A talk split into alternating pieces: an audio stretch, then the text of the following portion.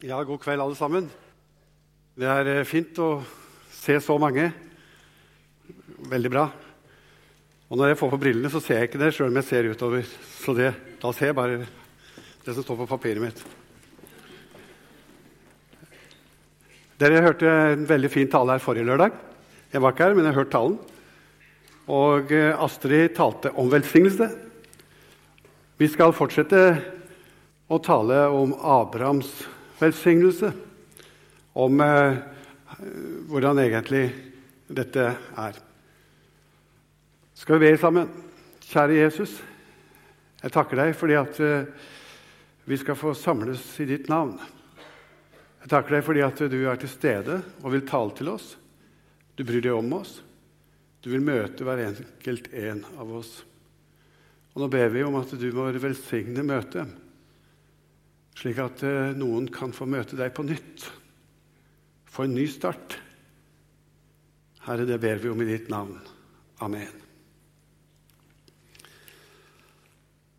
Jeg gjør sånn. Er det ok? Har jeg litt kontakt likevel? I deg skal alle jordens slekter velsignes, sies det om Abraham.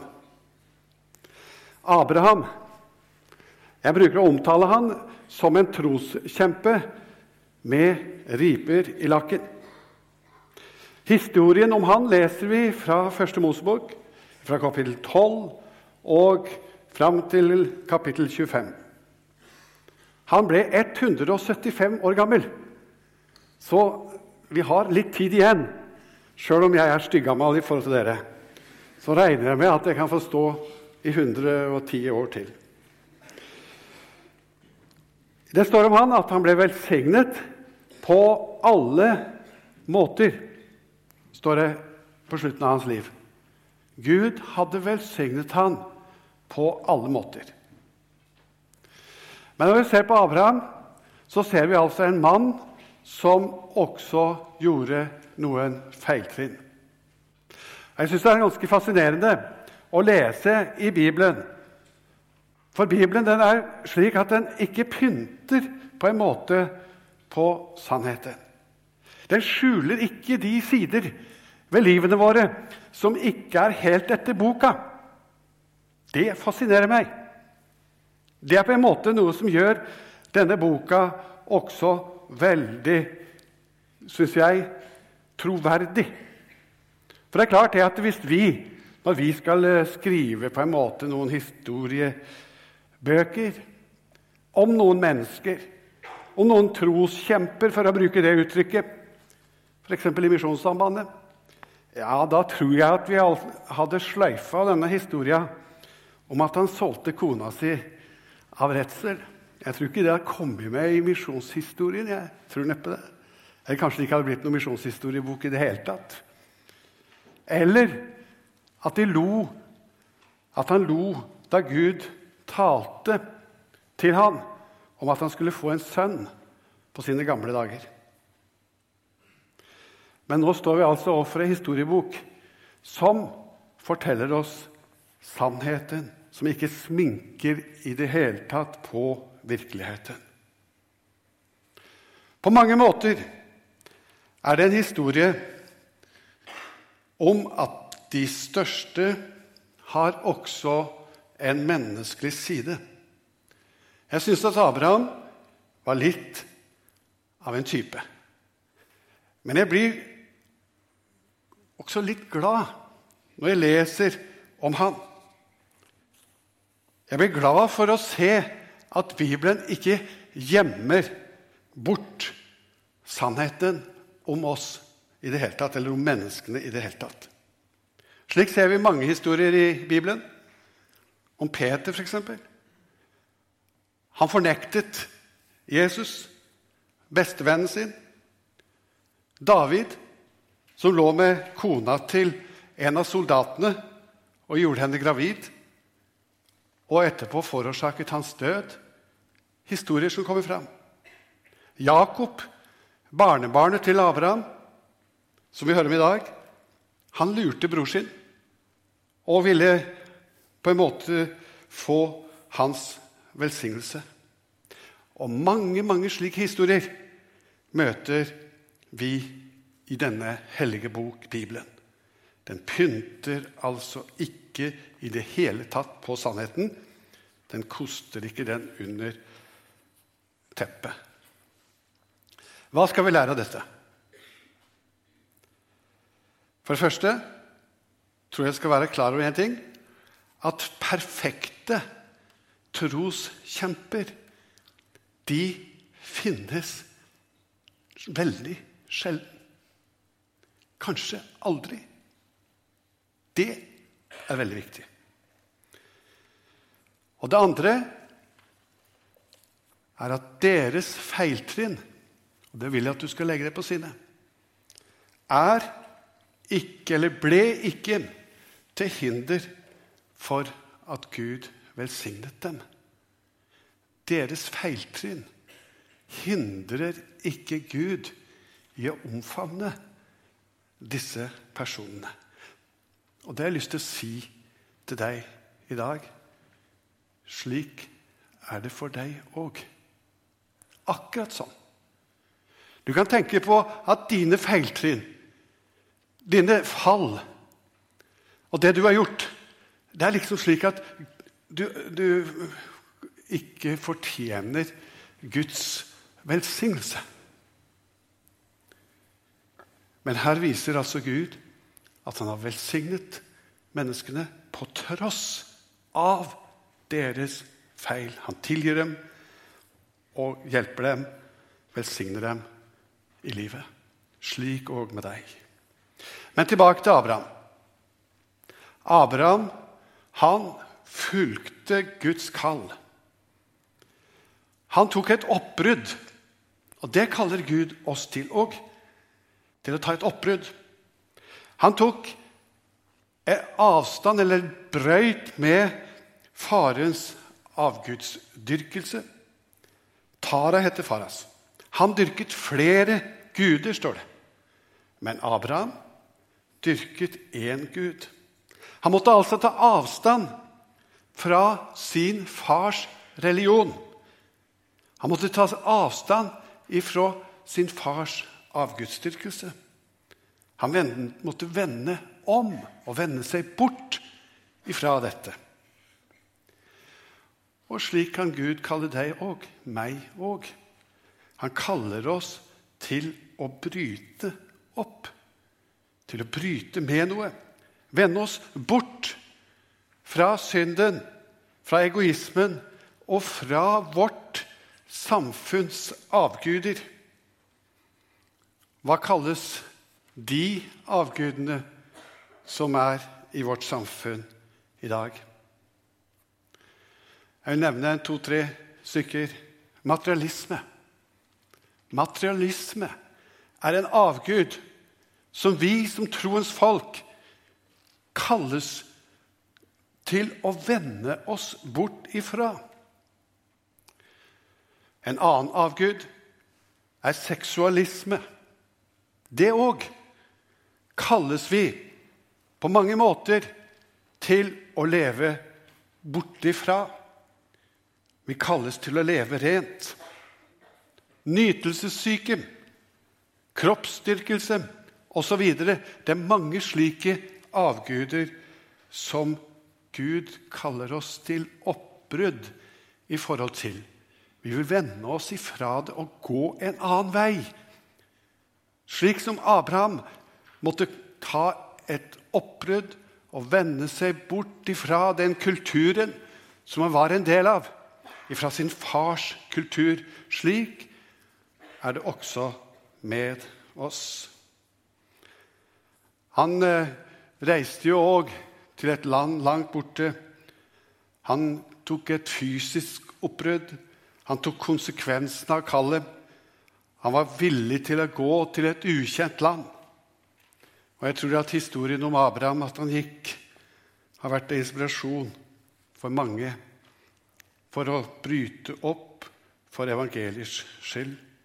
Kanskje det er noen av dere som føler også på en slik situasjon at de vil gå til et annet sted og reise ut som forkynner, misjonær eller for å arbeide slik at Guds rike kan vokse.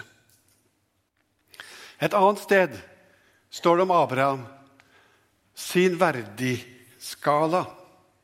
Jeg syns det er litt interessant å se. Han er eh, i en vanskelig situasjon. Han hadde blitt rik. Dere vet at han hadde med seg sin eh, unge nevø Lot. Og så førte det til krangel. Rikdom gjør ofte det. Fører ofte til krangel. Slik også her. Og da må en bruke fornuft. Han som var den eldre, han var jo 75 år da han begynte på denne vandringen. Han kunne ha sagt til den yngre, Lot, gå du dit. Nå skiller vi lag. I stedet så sa han, du kan velge. Du kan gå dit du vil. Og så går jeg en annen vei. Han lot sin yngre nevø velge først. Og Lot, han valgte ut fra økonomiske hensyn. Men Abraham hadde en annen verdiskala. Han satte familie og samhold høyere. Det forteller litt om hvordan hans holdning var. Det er ikke alltid penger, makt og ære er det viktigste og skal ikke være det for oss. En annen ting som jeg tar bare noen sånne strøpunkter om Abraham, det var at Abraham lot seg bruke selv om han var en veldig gammel mann. Kanskje det var her han ble satt på prøve. Det var egentlig ikke så rart at de lo. De fikk beskjed at de skulle få en sønn, selv om hun var 90 og han 100. Men de fikk det. Enkelte gamle føler seg mer eller mindre verdiløse i Guds rike. Og jeg har også oppdaget at unge de føler at de er ubrukelige. De har for lite erfaring, sier de. Gud han har ikke avskiltet noen aldersgrupper. Abraham og Sara tenkte at de var for gamle til å være til velsignelse på denne måten i sin alderdom. Og Timoteus han tenkte at han var for ung. Nå skal vi se på et bibelvers fra Jesaja. Og Der står det slik.: Hør på meg, du Jakobs hus, alt som er igjen av Israels hus, det som ble løftet opp helt fra fødselen, som ble båret helt fra mors liv. Jeg er Han, helt til dere blir gamle. Jeg vil bære dere helt til håret er grått. Jeg har alt gjort det. Jeg løfter jeg bærer og berger. Dette er et tredobbelt løfte, som du ser i siste setningen der.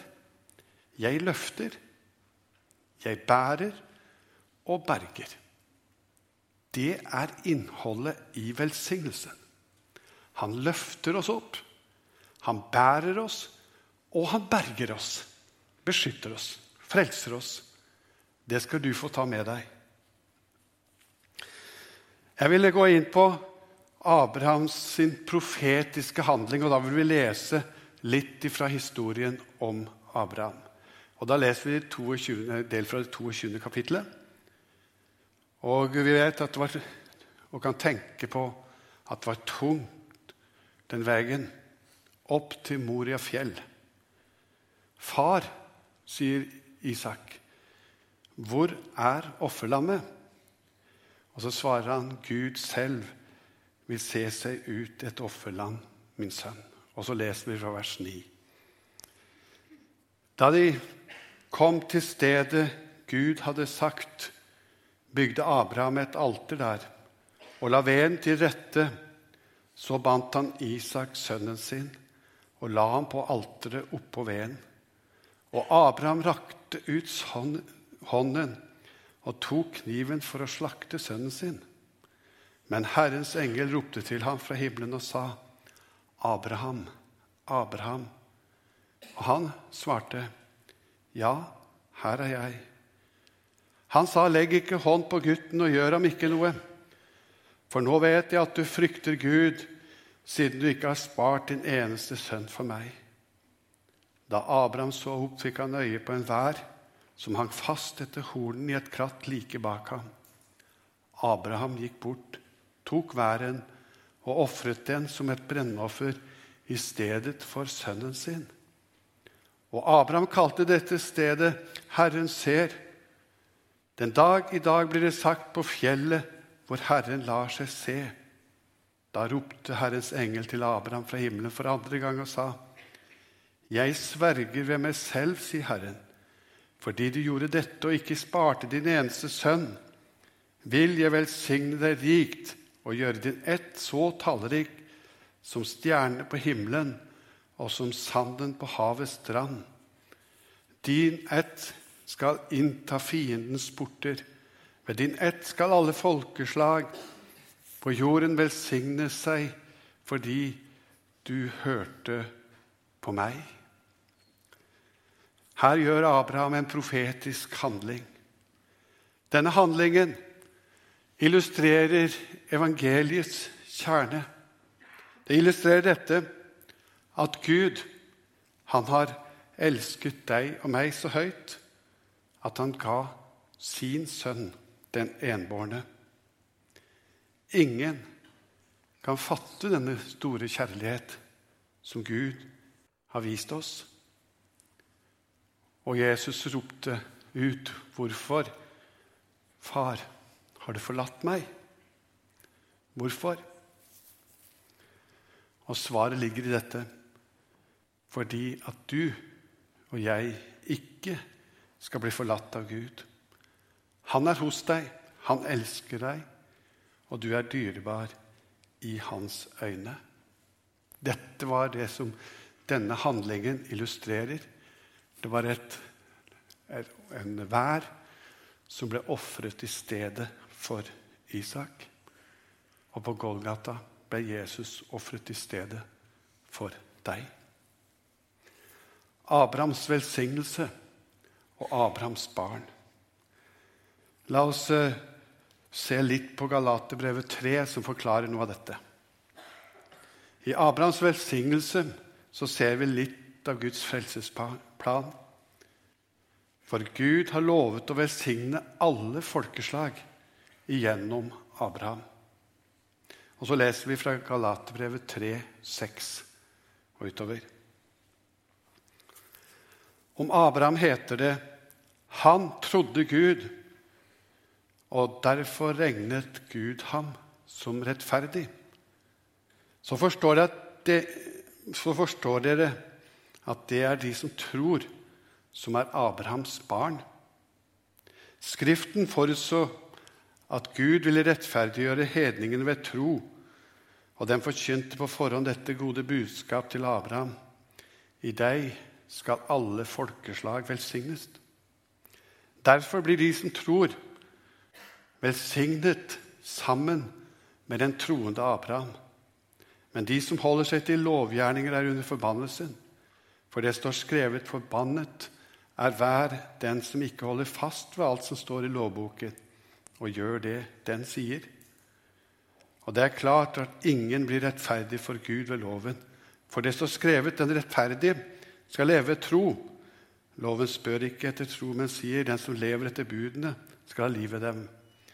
Men Kristus kjøpte oss fri fra lovens forbannelse da han kom under forbannelse for vår skyld. For det står skrevet 'forbannet er hver den som henger på et tre'. Slik skulle Abrahams velsignelse komme til folkeslagene i Kristus Jesus, så vi ved troen skulle få ånden som det var gitt løfte om. Derfor blir de som tror, velsignet sammen med den troende Abraham. Abrahams utvelgelse. Han ble utvalgt som et redskap for at det skulle bli et folk. Og igjennom han skulle alle jordens slekter bli velsignet. Utvelgelsen er altså ikke av fortjeneste, den er av nåde.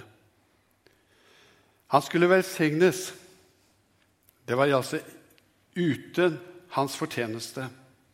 Og så fikk han beskjed om å telle stjernene eller havets sand. Kan du telle dem? Så stor skal din ett bli. Og jeg tenker at i den tellingen var du og jeg med. Velsignelsen er beregnet for deg. Den er din. Likevel vil jeg si at selv om du er utvalgt i Kristus, så må du også ta et valg. Abraham han brøt opp. Han tok et valg. Han begynte på en ny vei. Slik må du òg. Og Jeg vil gjerne at du skal eh, høre et ord fra Josva. Så frykt da Herren og tjen ham helhjertet og trofast. Skill dere av med de gudene som fedrene deres styrket på den andre siden av Eufrat i Egypt, og tjen Herren. Men hvis dere byr dere imot å tjene Herren, så velg i dag hvem dere vil tjene. Enten de gudene som fedrene deres styrket bort fra elven, eller guden til amorittene i det land dere nå bor. Men jeg og mitt hus, sa Josva på sine siste dager, vi vil tjene Herren. Men jeg og mitt hus, vi vil tjene Herren. Og I 5. Mosebok står det slik.: I dag tar jeg himmel og jord til vitne mot dere. Jeg har lagt fram for deg liv og død, velsignelse og forbannelse. Velg da livet så du og dine etterkommere kan få leve. Vi snakker om velsignelse. Vi snakker om Abrahams velsignelse. Vi snakker om utvelgelse. Og du er med i denne utvelgelse. Du er en del av de Gud hadde regnet med og ville velsigne deg. Men du må ta imot den. Du må velge og du stilles på valg. Vil du følge Jesus og leve under hans velsignelse med ditt liv og ta imot ham som din frelser? Det valget er ditt, og han tvinger deg ikke. Til slutt så vil jeg stille spørsmålet Hva med deg og meg når vi kommer i en situasjon hvor vi får riper i lakken, slik som disse som vi har nevnt nå, da skal du få bekjenne. Da skal du få komme til Jesus med din synd. Du skal få lov til å komme til ham med ditt liv. Og han vil ikke støte deg bort. Han vil ta imot deg. Og han vil gi deg tilgivelse om tilgivelse i ditt liv. Jeg kan vitne at mange ganger hos meg så er det slik at Den hellige ånd har på en måte kastet lys over mitt liv etter at jeg har gjort ting eller sagt ting og så videre. Og så pirker inn i samvittigheten min. Hver eneste gang det skjer, så har Den hellige ånd rett. Det har aldri skjedd at den har pirket borti ting i mitt liv som ikke er sant. Og det å bekjenne, det er å gi Gud rett. Ja, Gud, nå har du pekt på dette i mitt liv, og det er sant. Det er rett. Jeg har gjort imot deg. Jeg har syndet. Jeg har gjort imot din vilje. Så sier du ja når Gud peker på dette i ditt liv. Du gjemmer deg ikke bort. Men du står der og bekjenner. Og så ber du om tilgivelse. Og så får du høre at dine synder er deg tilgitt. Og du er fri. Det er fantastisk. Men du stilles der på et valg. Akkurat der. Når Guds kall kommer til deg, så kan du velge å ikke ta imot. Du kan velge å gå bort ifra Han og ikke vil lytte på det. Jeg tror at det var hemmeligheten i Abrahams liv. Det står slik om han at han gikk, dro fra sted til sted, fra Negev og helt til Betel, og til det stedet der han hadde hatt teltet sitt mellom Betel og Ai, til stedet der han hadde reist et alter for første gang. Der påkalte han Herrens navn og ba om nåde. Det var hemmeligheten. Og den samme medisin er det som hjelper også for oss. I dag skal vi ha nattvær. Og vi skal høre at Jesu blod er utøst for deg. Jesu legeme, det er gitt for deg. For våre synder. Og så tar vi imot det. Tar imot syndenes forlatelse. Men enkelte ganger så må vi også kanskje gå til noen og bekjenne våre synder for en bror som tilsier syndenes forlatelse til oss. Under nattverden i dag så blir det muligheter til å gå til forbønn. Du er hjertelig velkommen. Amen.